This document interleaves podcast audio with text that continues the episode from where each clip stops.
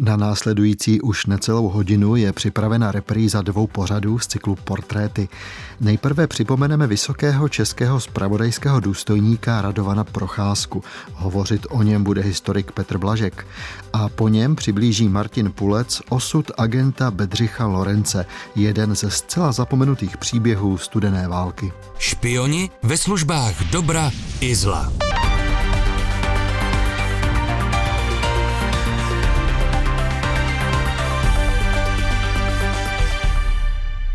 Pokud je dost lidí, kteří jsou stateční, nepotřebujeme hrdiny, říkal Radovan Procházka, muž, který je spojen s budováním našich spravodajských služeb po roce 89 a který měl za sebou 13 let v komunistických kriminálech. Jeho životní příběh okomentuje v následujícím pořadu historik Petr Blažek a dobrý poslech přeje i David Hertl. Portréty.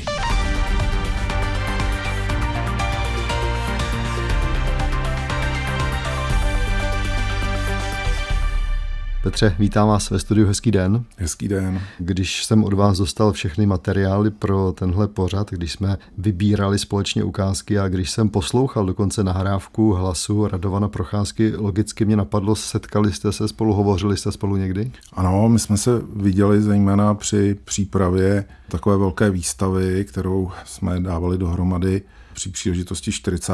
výročí vzniku K231. Radovan byl v předsednictvu a my jsme ho oslovili tehdy, aby přišel také zaspomínat na filozofickou fakultu, takže tam jsme se viděli a věnovali jsme se tedy zejména té jeho činnosti protikomunistické, méně potom těm ostatním tématům. Jaký to byl člověk takhle v osobním styku? On byl poměrně vysoký, byl takový mohutný, když já mám skoro dva metry, tak na mě to nedělá tak velký dojem, ale přesto jako měl takový poměrně hluboký hlas a působil takovým, bych řekl, velmi svěžím dojmem na to, že už byl poměrně v letech a mluvil takovým způsobem, jako kdyby byl stále velitelem. Jo. To si myslím, že bylo poměrně typické, že většina těch jeho slov směřovala, bych řekl, jako bych podřízeným, jako kdyby je neustále nějak nabádal, jak se mají chovat, co mají dělat a tak dál, takže to myslím, že je takové poměrně typické pro něho. Nedá mi to, musím říci, že budoucí spravodajec se vlastně narodil už téměř jako spravodajec. Ostatně o tom bude za chvíli ta ukázka. On je z vojenské rodiny, narodil se 11. května 1927 v Praze do rodiny velitele hradní stráže. Co mě zaujalo, že tatínek ho později, když byl už převelen do Loun, tak ho posílal ještě před druhou světovou válkou do pohraničí společně s bratrem. Oni tam měli nějaké zvláštní, už téměř spravodajské poslání. Měli pozorovat vlastně německé jednotky a dá se říct, že vlastně už vlastně ještě dětském věku, tak se tedy Radovan Procházka podílel na protiněmeckém odboji. To samé na konci druhé světové války opět byl vlastně nasazen do akce téměř. Je to tak, měl se podílet eh, jednak na různých takových kurírních úkolech a zejména v době pražského povstání tak plnil roli spojky. Za těchto okolností je vlastně očekávatelné, že pokračoval v té vojenské tradici? Skutečně šel ve šlépích svého otce, vybral si tedy nejenom vojenskou kariéru, ale měl sloužit u pěchoty, stejně jako jeho tatínek. Když byl v lednu 1951 Radovan Procházka zatčen, tak příslušníkům státní bezpečnosti musel, řekněme, odvyprávět svůj životopis. Ke svému původu tam uvedl následující. Pocházím z důstojnické rodiny, která vedla moji výchovu čistě v masarykovském duchu a hlavně v duchu benešovském. Ve volbách v roce 1946 jsem volil stranu národně socialistickou, poněvadž mi nejvíc konvenovala svým politickým postojem, hlavně ale proto, že to byla strana Benešova, jehož jsem byl velikým stoupencem, a také proto, že tato strana víc sympatizovala se západem než s východem. Sám jsem byl stoupencem západu, nejvíc se mi zamlouvají angličané, od dětství jsem k ním měl sympatie, které se poslední dobou prohloubily. V Anglii byla větší svoboda tisku a slova. Nejvíce jsem se politických debat zúčastňoval po únorových dnech roku 1948, a to na učebnách Vojenské akademie v Hranicích. S únorem jsem nesouhlasil, protože nebyla dána možnost odstoupit všem ministrům, aby se vyjádřili, co chtějí dělat a jak si to představovali. Únor byl chopením se moci komunistů ve státě. Prohlašoval jsem, že není demokracie, když jedna strana, komunistická, se chopila moci, že by pak mohlo dojít k diktatuře. A to neodpovídalo demokracii, jak jsem si ji představoval. Dokončil Radovan Procházka ta svoje studia? Skutečně dokončil tu vojenskou akademii v roce 1948, byl vyřazen v hodnosti poručíka pěchoty, to znamená skutečně navázal na svého otce, který zemřel o dva roky dříve při autonehodě ve funkci velitele 5. pěšího pluku, který byl dislokován v Praze.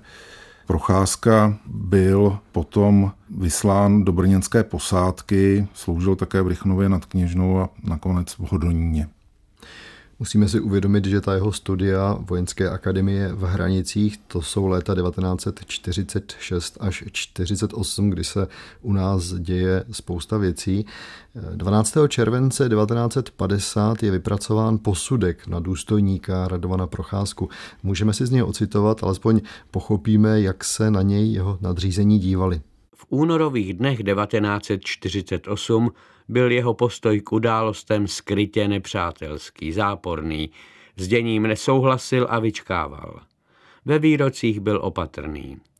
Po únoru se jeho chování nezměnilo. Politicky není organizován, o politiku nejeví valný zájem.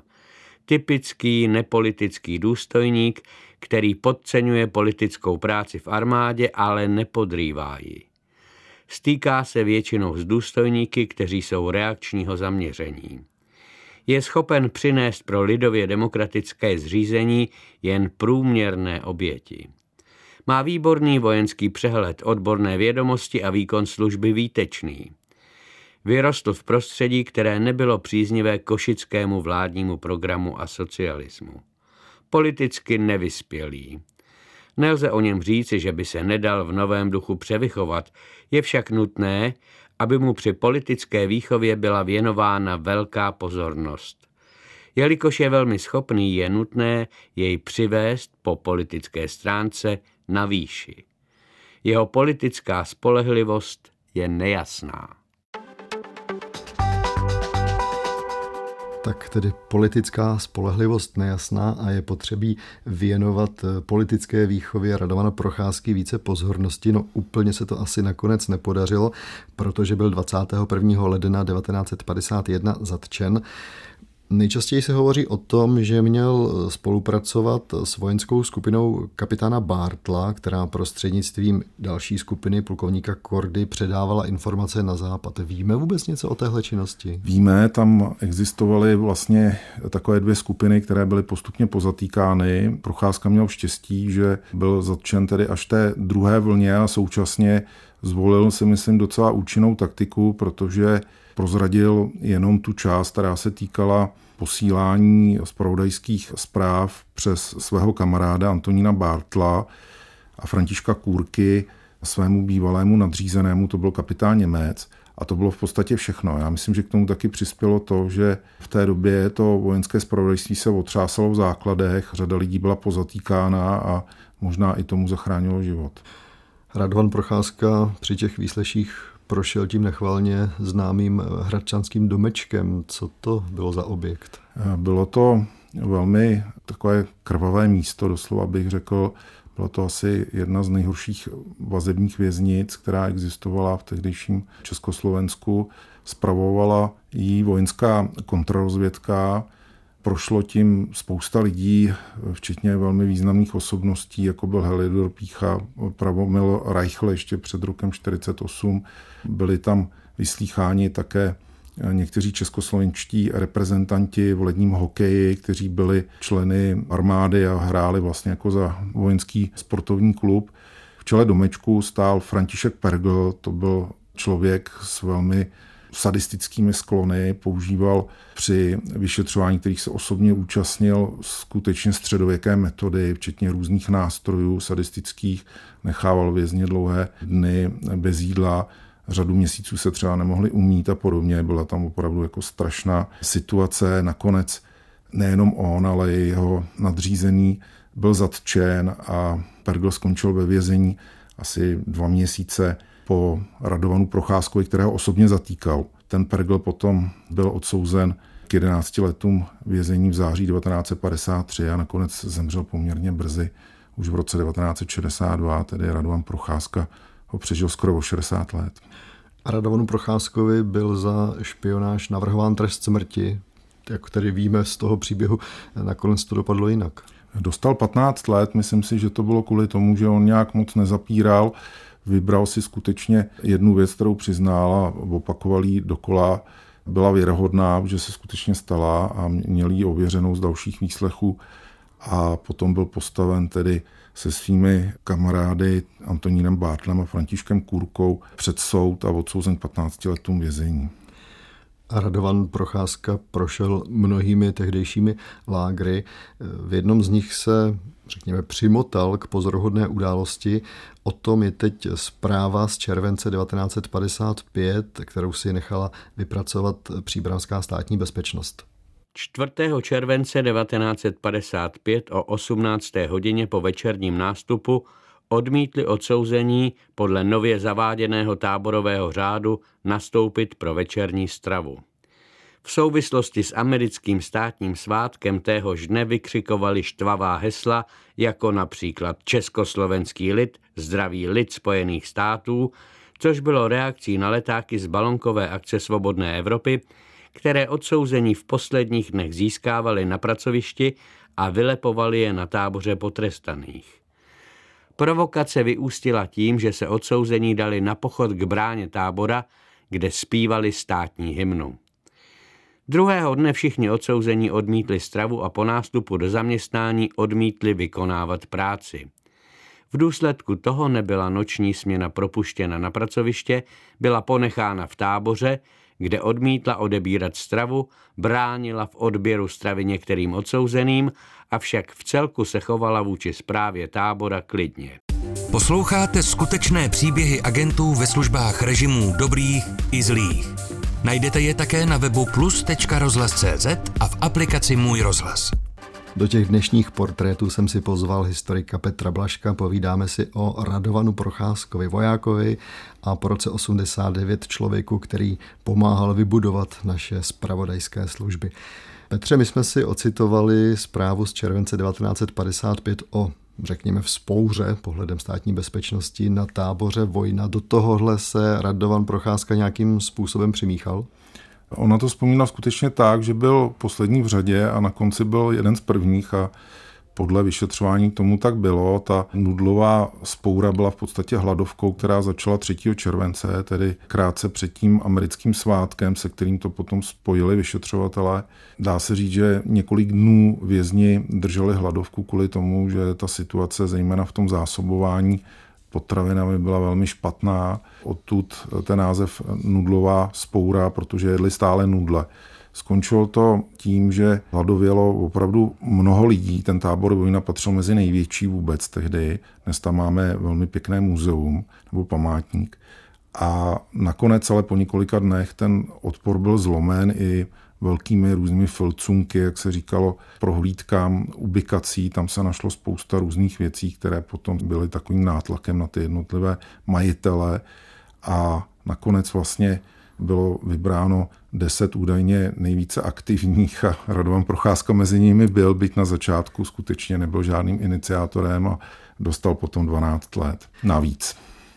Ten výkon trestu, ten nám může možná trochu přiblížit i další ukázka. Vy jste ji vybral ze zprávy tajného spolupracovníka státní bezpečnosti, který vystupoval pod krycím jménem Holub. To byl člověk, který nejspíš takzvaně seděl, tedy nějakou dobu s Radovanem Procházkou a v dubnu 65 na Radovana Procházku vzpomínal takto. V Leopoldově patřil mezi takzvanou šlechtu, byl jedním z nejoblíbenějších kamarádů, velmi mnoho mladých lidí ovlivňoval svými názory. Stále četl a studoval, umí několik řečí, jeho koníčkem je filozofie, umění a přírodní vědy. Vášnivě nenávidí všechno, co souvisí s komunisty. Je velmi inteligentní a zákeřný. Dovede se dokonale schovávat za přátele a sám zůstává v pozadí. V Leopoldově několikrát vyvolal pasivní rezistenci. Politicky se nikdy nezařazoval do některé partaje, nejvíce přátel měl mezi křesťany. Komunismus považoval za překonanou záležitost. Je odvážný, ale nikdy zbytečně neriskuje. Je to mimořádně nebezpečný typ člověka s velkými ambicemi, který si nikdy nedá pokoj. Petře, když jsem pročítal vzpomínky Radovana Procházky, zaujala mě tam věta. Byl jsem ve vězení přes 13 let a asi nejhorší byl pro mě čtvrtý a desátý rok. To jsem si uvědomil, jak mi ukrádají život a jak mi to vadí. Logicky, kdy se tedy dostal Radovan Procházka na svobodu? Myslím si, že ten desátý rok souvisel s tím, že on nebyl propuštěn na takzvanou amnestii jako většina jeho spoluvězňů politických, tedy v roce 1960, nebyl propuštěn ani v roce 1962, takže seděl velmi dlouho. Ten důvod byl, že do té amnestie neměli být zařazováni spolupracovníci tajných služeb a on byl skutečně spolupracovníkem americké tajné služby. Jak později vzpomínal, tak měl dobré jméno také u britské tajné služby údajně přes otce ještě z druhé světové války, těžko říct. A dostal se ven skutečně až v polovině 60. let. My jsme slyšeli zprávu krátce po propuštění, která byla napsaná v dubnu 1965. On eh, nakonec sehnal zaměstnání jako kulisák v Národním divadle a tam byl až do roku 1989. Já jenom si dovolím takovou malou poznámku, že v Národním divadle byla solistkou jeho teta, ta slavná operetní zpěvačka Slávka Procházková. Od roku 64 to je jenom kousek do roku 68. I v té době byl Radovan Procházka aktivní. Asi vás napadne, nebo vás pravidelné posluchače portrétu, kteří už se trochu orientujete v našich dějinách, že tenhle člověk se mohl nějakým způsobem připojit ke klubu K231. Stalo se tak opravdu. Hlavní zpráva ministerstva vnitra dostala v květnu 1968 informaci o tom, že byl založen klub K231 a i tam se pochopitelně jméno Radovana Procházky objevuje. V Praze byl v březnu vytvořen přípravný výbor klubu 231, který připravoval podmínky pro založení oficiální organizace osob odsouzených za trestnou činnost proti republice v posledních 20 letech. K vlastnímu ustavení došlo na srazu 31. března 1968 v Praze na Žofíně. V projevech na srazu byl zdůrazněn požadavek důsledné rehabilitace neprávem odsouzených a nutnost podpory obrodného procesu ve státě. Do ústředí K231 byli zvoleni předseda Karel Nigrin, profesor, tajemník Jaroslav Brodský, bývalý fašista, a dále Otakar Rambousek, Radovan Procházka, Josef Čech a Antonín Roubík, všichni agenti americké spravodajské služby. Jedním z hlavních mluvčích je Václav Paleček, bývalý generál. Oficiální program K231 obsahuje prohlášení, že jde o celostátní nepolitickou organizaci, združující osoby odsouzené za údajně politické delikty po roce 1948. Členové organizace se chtějí mimo jiné podílet na vypracování zákona o rehabilitacích a dosáhnout plné občanské rovnoprávnosti. Petře, teď, co jsme poslouchali ukázku, tak jste mě upozornil na poměrně zajímavou věc, že Radovan Procházka patřil v té sestavě vedení K231 k těm relativně mladším. Je to tak, skutečně patřil mezi nejmladší, zejména s Otakarem Rambouskem. Tvořili takovou dvojici mladších vězňů, kteří měli velký respekt eh, mezi těmi staršími. Je to dané také tím, že Procházka velmi aktivně se stýkal se svými kamarády z vězení i po propuštění. Státní bezpečnost ho sledovala v té době, jeden z těch svazků se jmenoval důstojník krycím jménem a rozpracovávala jeho kontakty, které vlastně sahaly po celém Československu. Pojďme tedy už k událostem po roku 89, kdy se Radovan Procházka z té pozice kulisáka v Národním divadle najednou ocitá v křesle ředitele několika postupně spravodajských služeb. Prosím, popište to. V listopadu 1989 Radovan Procházka stál u vzniku stávkového výboru v Národním divadle.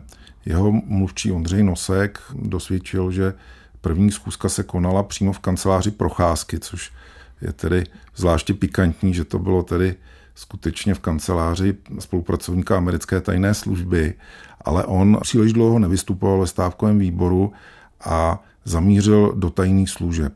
Společně s ním mimochodem z toho Národního divadla odešlo hned několik jeho kamarádů. On nejdříve fungoval ve vedení civilní kontrarozvědky, ale velmi záhy se stal ředitelem civilní rozvědky, dokonce vymyslel název Úřad pro zahraničí styky a informace a nakonec řídil vojenskou rozvědku, prošel tedy všemi těmi významnými tajnými službami, snad s výjimkou vojenské kontrarozvědky, dosáhl hodnosti generála poručíka, Myslím si, že byl poměrně ceněným ředitelem pro spojence, dostal velmi vysoké vyznamenání od prezidenta Spojených států amerických, byl také vyznamenán řádem Bílého lva Václavem Havlem. Současně někteří trochu kritizovali takového vidění světa, které spíš odpovídalo druhé světové válce. On se zaměřil vedle jiného také na Německo, které považoval za možnou hrozbu a chvilku to trvalo, než tady ta obava z toho sjednoceného Německa pominula, jak vzpomínali někteří jeho kamarádi. Někteří mu také vyčítali jeho kritizování Vladimíra Hučína v době, kdy Hučín byl ve vazbě a čekal na soud. Jak se ukázalo, ty výroky procházky nebyly oprávněné, protože Hučín byl očistěn. Důležité je říci, že Radovan Procházka zemřel 25. června 2020 a bylo mu 93 let. My jsme si nakonec nechali ukázku, ve které mluví sám Radovan Procházka. Nahrávka je z dubna 2008 a on tam vlastně vyjadřuje nějaký svůj názor na spolupracovníky státní bezpečnosti, na pracovníky tajné policie a zejména na to, že po roce 89 tihle profesionálové státní bezpečnosti vlastně nebyli potrestáni. Za největší darebáky byli vyhlášeni lidi, kteří podlehli tomu zvířecímu bestiálnímu nátlaku a podepsali v kriminále s tou státní bezpečností nebo s těma bachazema spolupráci. Spolupráci, kterou drtivá většina potom stejně neplnila a celou dobu se snažila z toho nějakým způsobem uniknout a unikala z toho těžko, špatně se jí to dařilo a pronásleduje to až do dneška.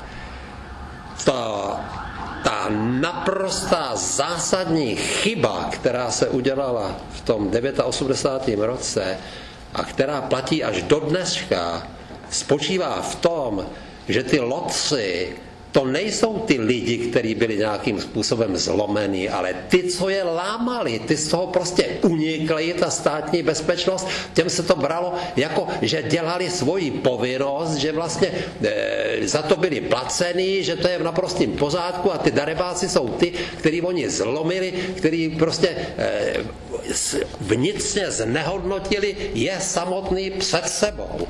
Tohle je věc, která, kterou my jsme tam vnímali eh, v tom K231 a se kterou jsme se pořád do dneška nějakým způsobem nevypořádali.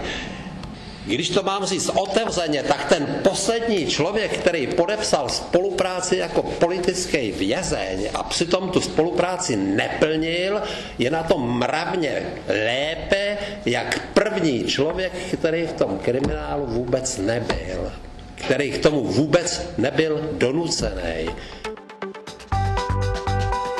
A ještě věta na závěr. V červenci 2020 in memoriam byl Radovan Procházka vyznamenán cenou Bezpečnostní rady státu, ale nakonec ji převzal ředitel vojenského spravodajství Jan Beroun. Rodina Procházkova tohle ocenění převzít odmítla, protože předat je měl premiér Andrej Babiš. Jako důvod odmítnutí rodina uvedla osobu premiéra, který měl cenu předat, protože postrádá morální kredit, aby takové ocenění mohl vůbec předávat. To je vše z dnešních portrétů, ve kterých hostem byl a děkuji, že přišel Petru Blaškovi. Petře, naslyšenou. Naslyšenou. Ukázky přečetl David Schneider, technicky spolupracoval mistr zvuku Jan Brauner a loučí se a příště naslyšenou u portrétu těší také David Hertl.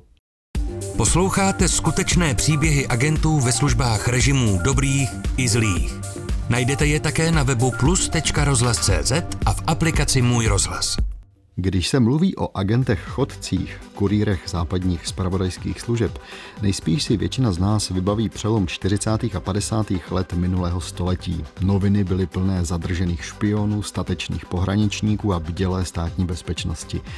Příběh, který vám dnes chceme vyprávět, se ale udál až na jaře 1955, tedy v době, kdy už posílání kurýrů přes zelenou hranici nebylo úplně obvyklé. Hlavním aktérem bude Bedřich Lorenz, který za své nasazení v riskantním podniku zaplatil životem. Paradoxně datum jeho úmrtí je také okamžikem, kdy se o něm státní bezpečnost poprvé dozvěděla. Více už prozradí historik Martin Pulec, kterého do studia pozval a spolu s vámi ho poslouchá David Hertl.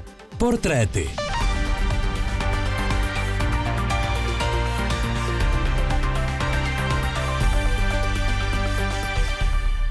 A historika Martina Pulce vítám ve studiu. Martin, hezký den. Dobrý den, přeji.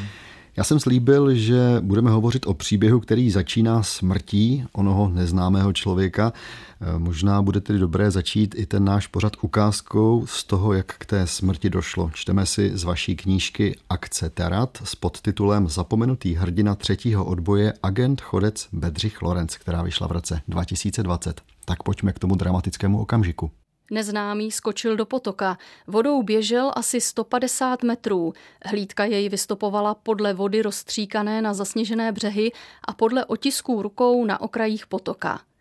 Hustým lesem pak šel po břehu potoka dalších 50 metrů, když jej hlídka přibližně 450 metrů od lesní silnice v 19 hodin 10 minut zahlédla. Vyzvala jej k zastavení. Neznámý však nereagoval ani na německé halt – ani na střelbu do vzduchu. Odhodil plášť, sako a svetr a zmizel v lesním porostu. Potokem běžel zpět ke státní hranici. Místy leželo až 60 cm sněhu a kolem byl hustý mladý les, kterým prchal s hlídkou v zádech přibližně 500 metrů, až dosáhl silnice ze svatého Jana do Hamru.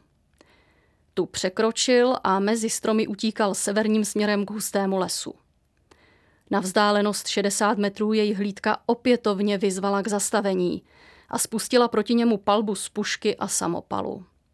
Bylo 19 hodin 30 minut, když neznámý kolísavým krokem došel k mlází, kde se svalil na zem. Stalo se tedy 24. dubna 1955 u Dolní Světlé, nedaleko Mařenic na Českolipsku. My už jsme říkali, že ten příběh skončil smrtí tohoto muže. Co se vlastně začalo dít poté, když eh, zatím neznámý člověk zemřel? Poté, co pohraniční stráž zastřelila neznámého člověka, tak jej podrobila osobní prohlídce, vlastně to mrtvé tělo a našla u něj špionážní materiál. Krycí doklady, instrukce pro své spolupracovníky, záchytné adresy a podle toho usoudila, že se jedná teda o takzvaného agenta chodce, neboli kurýra zahraniční odbojové skupiny a případ předala státní bezpečnosti. Státní bezpečnost materiál vyhodnotila a podle záchytné adresy osoby, která bydlela ve východním Německu, požádala své východněmecké protějšky o součinnost a očekávala výsledek jejich šetření. Zprávy přišly, ovšem přišly z jiného soudku, mezi tím východněmečtí pohraničníci na trati z Hrádku do Vansdorfu, ta trať vede přes východněmecké území, našli mrtvou schránku, ve které byl písemný materiál. Tento písemný materiál se opět dostal do ruky právě příslušníkům státní bezpečnosti, kteří vyšetřovali smrt neznámého agenta a komparací zjistili, že vlastně že se jedná o jeden a ten samý případ. Následovalo pátrání po autorech špionážní zprávy. Mezitím z východního Německa došla zpráva o identifikaci zastřeleného. Byl to Bedřich Lorenz, který v tu dobu žil v západním Německu. A státní bezpečnost eh, dále se zaměřila nyní na odhalení jeho spolupracovníků. Podle indicí, které byly v písemném materiálu, se jednalo o ženu středního věku, která bydlela v Teplicích. Písemný materiál dále obsahoval eh, adresy osob, kteří byli vlastně v rameni těch špionážních zpráv. Státní bezpečnost se zaměřila právě na tyto osoby a prováděla šetření v jejich okolí a prováděla další střední v okolí dalších osob a výsledkem bylo, že kruh osob, který prověřovala, se zužoval. Do případu nasadila spolupracovnici na vytipovanou osobu, mimo jiné přítelkyni její, a ta přinesla vzorek rukopisu a komparací vzorku rukopisu s autorkou zpráv zjistili vlastně autora špionážních zpráv a hlavního spolupracovníka zastřeleného Bedřicha Lorence. Když vás tak poslouchám, na jednu stranu mě napadá, že státní bezpečnost na to, že před sebou měla absolutně neznámého člověka, tak postupovala poměrně asi úspěšně profesionálně. Na druhou stranu, teď už tady víme, že Bedřich Lorenz měl u sebe velké množství písemného materiálu, včetně adres. To zase nesvědčí na nějakou asi vysokou profesionalitu tohoto kurýra, je to tak? Bohužel tam se jednalo o, dá se říct, nedorozumění, které vyšlo najevo až později. Bedřich Lorenz eh, nebyl profesionálním spravodajcem v pravém slova smyslu. On vedle toho měl ještě civilní zaměstnání a tohle to vykonával vedle svých dalších civilních aktivit. Nicméně eh, se svými spolupracovníky pracoval tím způsobem, že s nimi rozebíral zprávy, které předali a jedno z vlastně z takových instrukcí, kterým dával, bylo to, že mají uvádět pramen. Bohužel Nyní víme, že vlastně spolupracovnice byla Albertina Kosinová, tak bohužel eh, Albertina Kosinová to pochopila tak, že má jmenovitě uvádět zdroje svých zpráv, jenže on chtěl, aby uvedla, dejme tomu, zpráva byla získána od eh, zaměstnance dolů na železnou rudu, který tam vykonává funkci strojníka nebo který prostě pracuje v dělnické profesi. Zatímco ona Albertina Kosinová všude psala ta jména. Albertina Kosinová bohužel pochopila tuto instrukci, takže má jmenovitě uvádět, od koho získává zprávy. Ona byla extrémně namotivovaná tím, že jí Bedřich Lorenz slíbil převod eh, do západního Německa. Za rok intenzivní spravodajské spolupráce pro odbojovou skupinu jí slíbil, že ji zadarmo i s manželem převede do západního Německa a zajistí tam i další start. Bohužel slibovaný rok se protahoval na další období. Lorenz Ono se to mohlo zdát, že to nebyl úplný profesionál, ale vystupoval velice profesionálně. On byl schopný vést své spolupracovníky, on byl schopen jim pomáhat, ale byl schopen je i přitlačit a dostat z nich, dá se říct, co se dalo.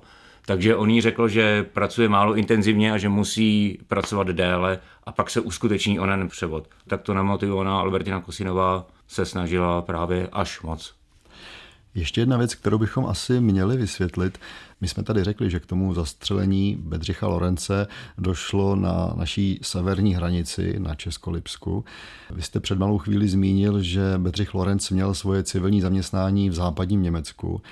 Musíme tedy asi říci, že on dokázal projít ze západního do východního Německa, což před tou stavou berlínské zdi asi ještě nebylo tak složité, a pak tedy teprve přecházel hranice do Československa, takhle to je? Rekonstrukcí z jeho pozůstalosti jsem zjistil, že vlastně jeho cesta vedla letecky ze západního Německa do Berlína. Zde přešel mezisektorové hranice, což nebyl velký problém. Pak šel přes eh, celé východní Německo a jeho cesta vedla z pravidla přes Lužické hory, kde znal, dá se říct, každý kámen, předpokládám. Protože on se narodil ve Vansdorfu. Pocházel z Vansdorfa a byl to sportovec. Už se tedy říkal, že se státní bezpečnosti podařilo objevit ten hlavní zdroj jeho informací, to byla ona paní Albertina Kosinová. Ta síť těch jeho informátorů byla asi větší, protože my si za chvíli ocitujeme z vaší knížky, kolik lidí se ocitlo ve vazbě. Kolik času potřebovala státní bezpečnost na rozkrytí té sítě? Poměrně málo času, protože případ eh, zastřelení se stal v dubnu 1955 a hlavní aktéři špionáže byli postaveni o rok později před soud. Takže i když panují představy o masivním útvaru, tak tento případ zpracovávali dva nebo tři operativní pracovníci a ti dovedli pracovat velice efektivně.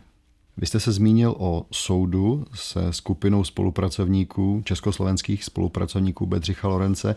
U soudu vycházelo mimo jiné najevo, jakým způsobem se s obviněnými a s vyšetřovanými zacházelo. O tom je ta další ukázka. Kosinová a další trpěli nejen poměry v Litoměřicích, lépe na tom nebyli ani v ruzínské věznici, kam je převezli 31. prosince 1955. Albertina Kosinová ztratila během vyšetřování 20 kg na váze. Po čtyřech měsících za mřížemi u ní konstatuje lékař v ruzínské věznici zrakové a sluchové halucinace, sebevražedné tendence a doporučuje urychlené ukončení vyšetřování. Na špatný zdravotní stav ve vazbě si při soudním líčení stěžoval i Jan Ježek, který se nervově zhroutil v ruzínské celé. V červnu 1956 uváděl, že trpěl halucinacemi. I přes jeho stav prý s ním dál sepisovaly protokoly, které z těchto důvodů nesouhlasí se skutečností. Trýznění potkalo zřejmě každého z vyšetřovaných.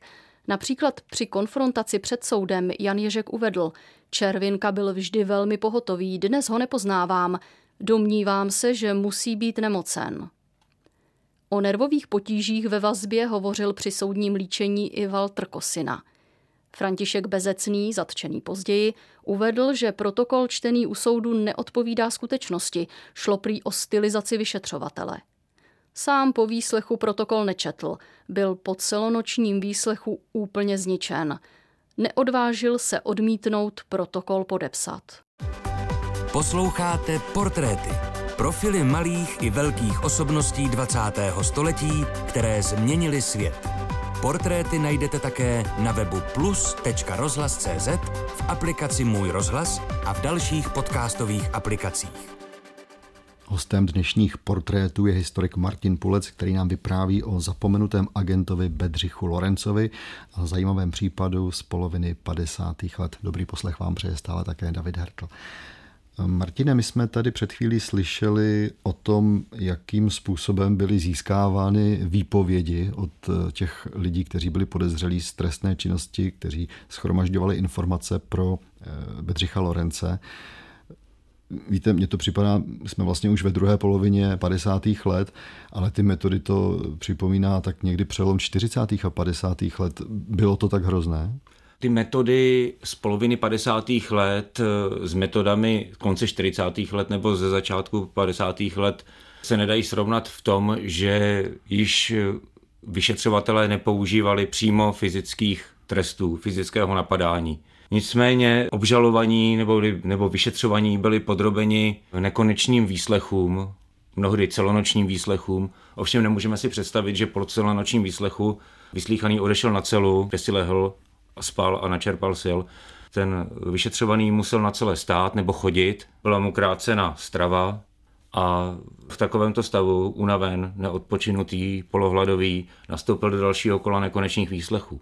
Takže i když vyšetřovatelé nepoužívali fyzického násilí, tak tento způsob vyšetřování byl natolik devastující, že jim vlastně eh, zdevastoval psychiku, zdevastoval jim jejich vůli a je to vidět právě i na výpovědích jednotlivých zadržených, jednotlivých vyšetřovaných. Ze začátku se brání, snaží se neobvinovat svoje blízké, protože jednalo se de facto o jednu širší rodinu, snaží se neobvinovat své blízké, neočerňovat je, nevypovídat nic k sobě a později eh, postupem času, a ten čas není dlouhý, naprosto otevřeně říkají, jsou schopni vypovídat naprosto otevřeně a obvinovat i třeba eh, svého příbuzného, nejbližšího příbuzného. Než jsme šli do studia, vy jste mě upozornil na zajímavou věc, že pro státní bezpečnost byl nakonec tenhle případ tak trochu zklamáním. Jinými slovy, co ti lidé Bedřichu Lorencovi říkali, jaké špionážní informace pro něj získávali? Státní bezpečnost si po celou dobu operativního rozpracování představovala, že bude mít velký případ.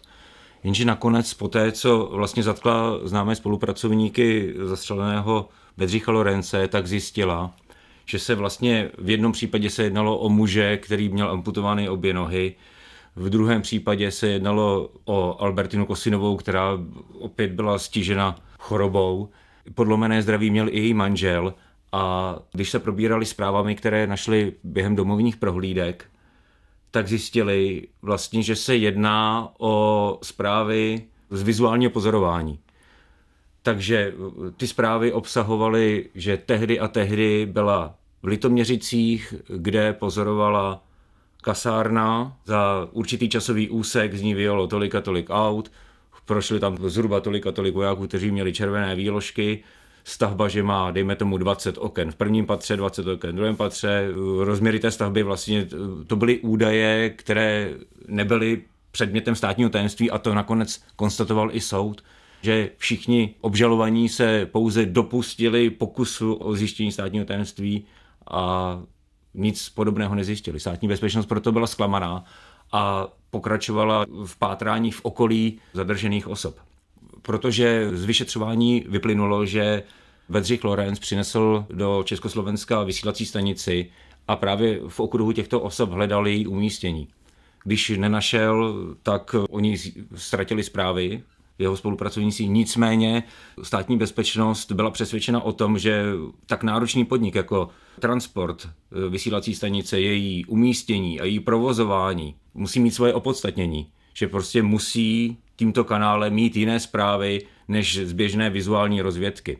Proto neustále pokračovala v šetření v okolí osob a její želízko v ohni byl otec zastřeleného Bedřicha Lorence, se kterým právě v počáteční fázi případu prováděl vlastně řízení těch svých spolupracovníků, to prováděli společně. Takže to vlastně byla taková špionážní organizace Lorenz a syn. A právě do momentu toho, kdy státní bezpečnost prováděla to širší šetření, pátrání po dosud nezjištěných spolupracovnících, přišel ze západního Německa dopis. Tento dopis byl od Bedřicha Lorence staršího. Jednalo se o jednu z forem vzájemné komunikace mezi, jestli mohu, říct, řídícím orgánem a jeho spolupracovníkem, kdy vlastně ve skryté řeči Stadý Lorenz oznamuje, že mladý se dosud nevrátil z akce a že zprávy, které měl přinést, nebyly doručeny. Státní bezpečnost tento dopis zachytila a začal s ním hrát spravodajskou hru u svých techniků napodobila rukopis Albertiny Kosinové a začala si s ním dopisovat.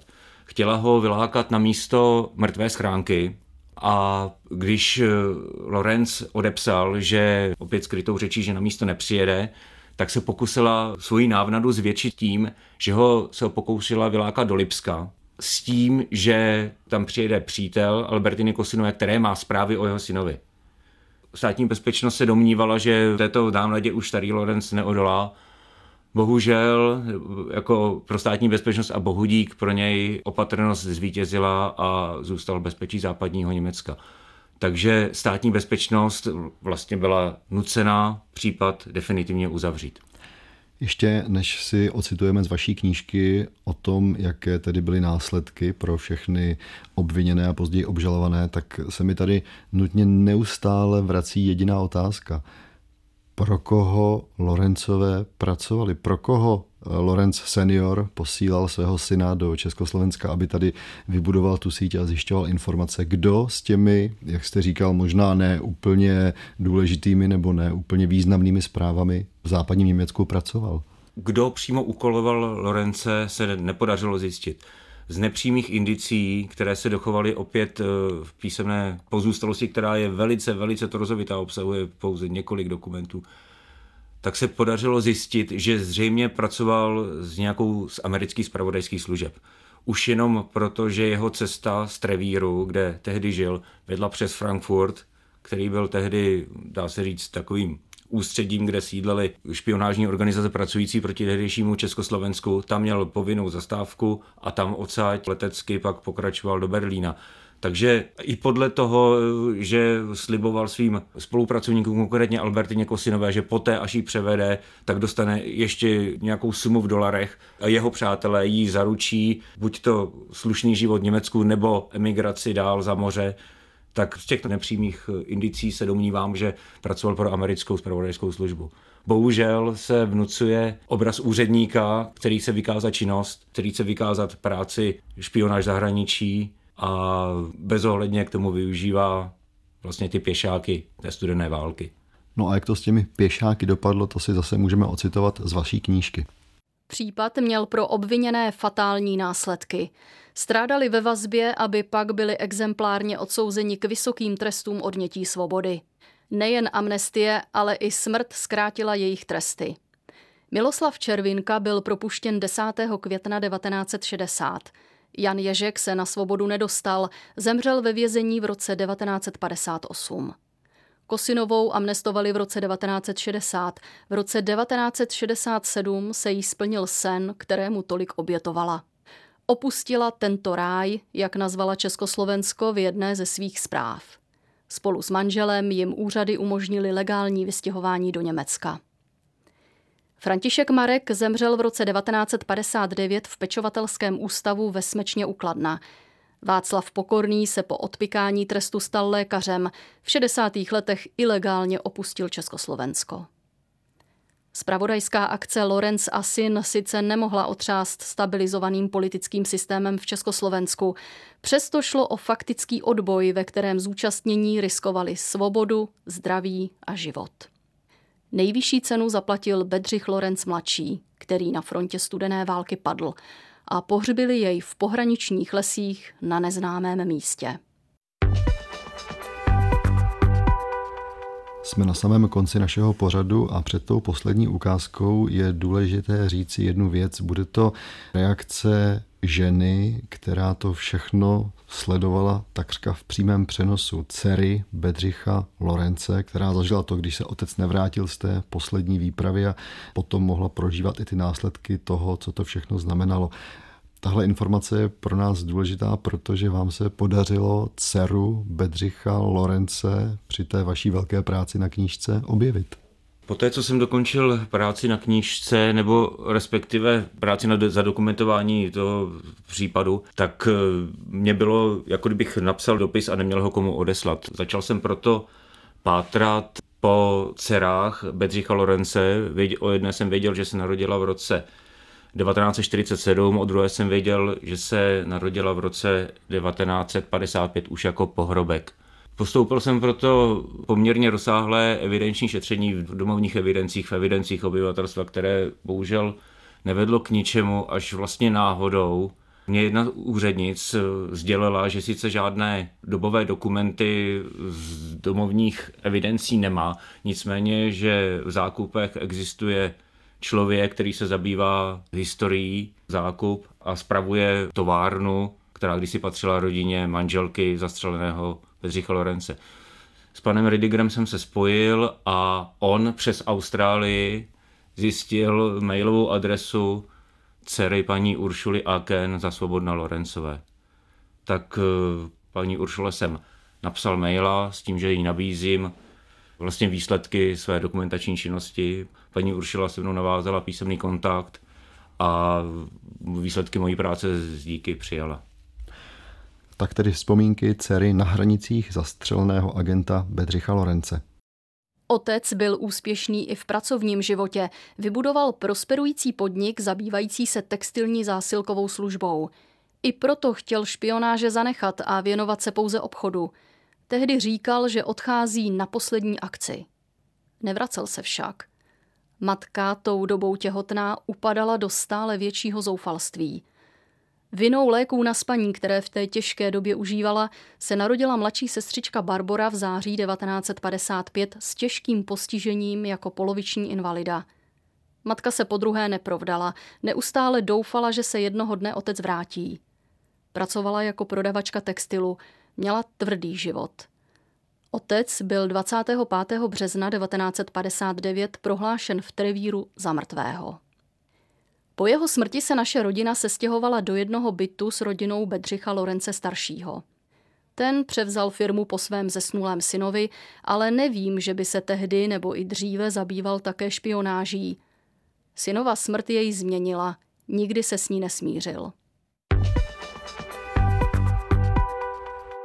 Tak to je vše z tohoto, řekl bych, horkého případu studené války, o kterém nám vyprávěl historik Martin Pulec. Martine, děkuji vám naslyšenou. Naschledanou. Ukázky přečetla Lenka Buriánková, technicky spolupracoval mistr zvuku Ladislav Čurda a loučí se i David Hertl. Naslyšenou třeba zase za týden u portrétu. Špioni ve službách dobra i zla.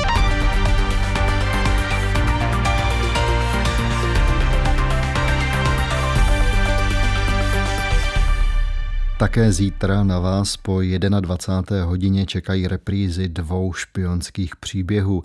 Nejprve Charlesa Katka, který u nás vedl americké spravodajce po roce 1945 a potom příběh Morise Dežána, který se stal obětí asi nejslavnějšího sexuálního špionážního skandálu KGB.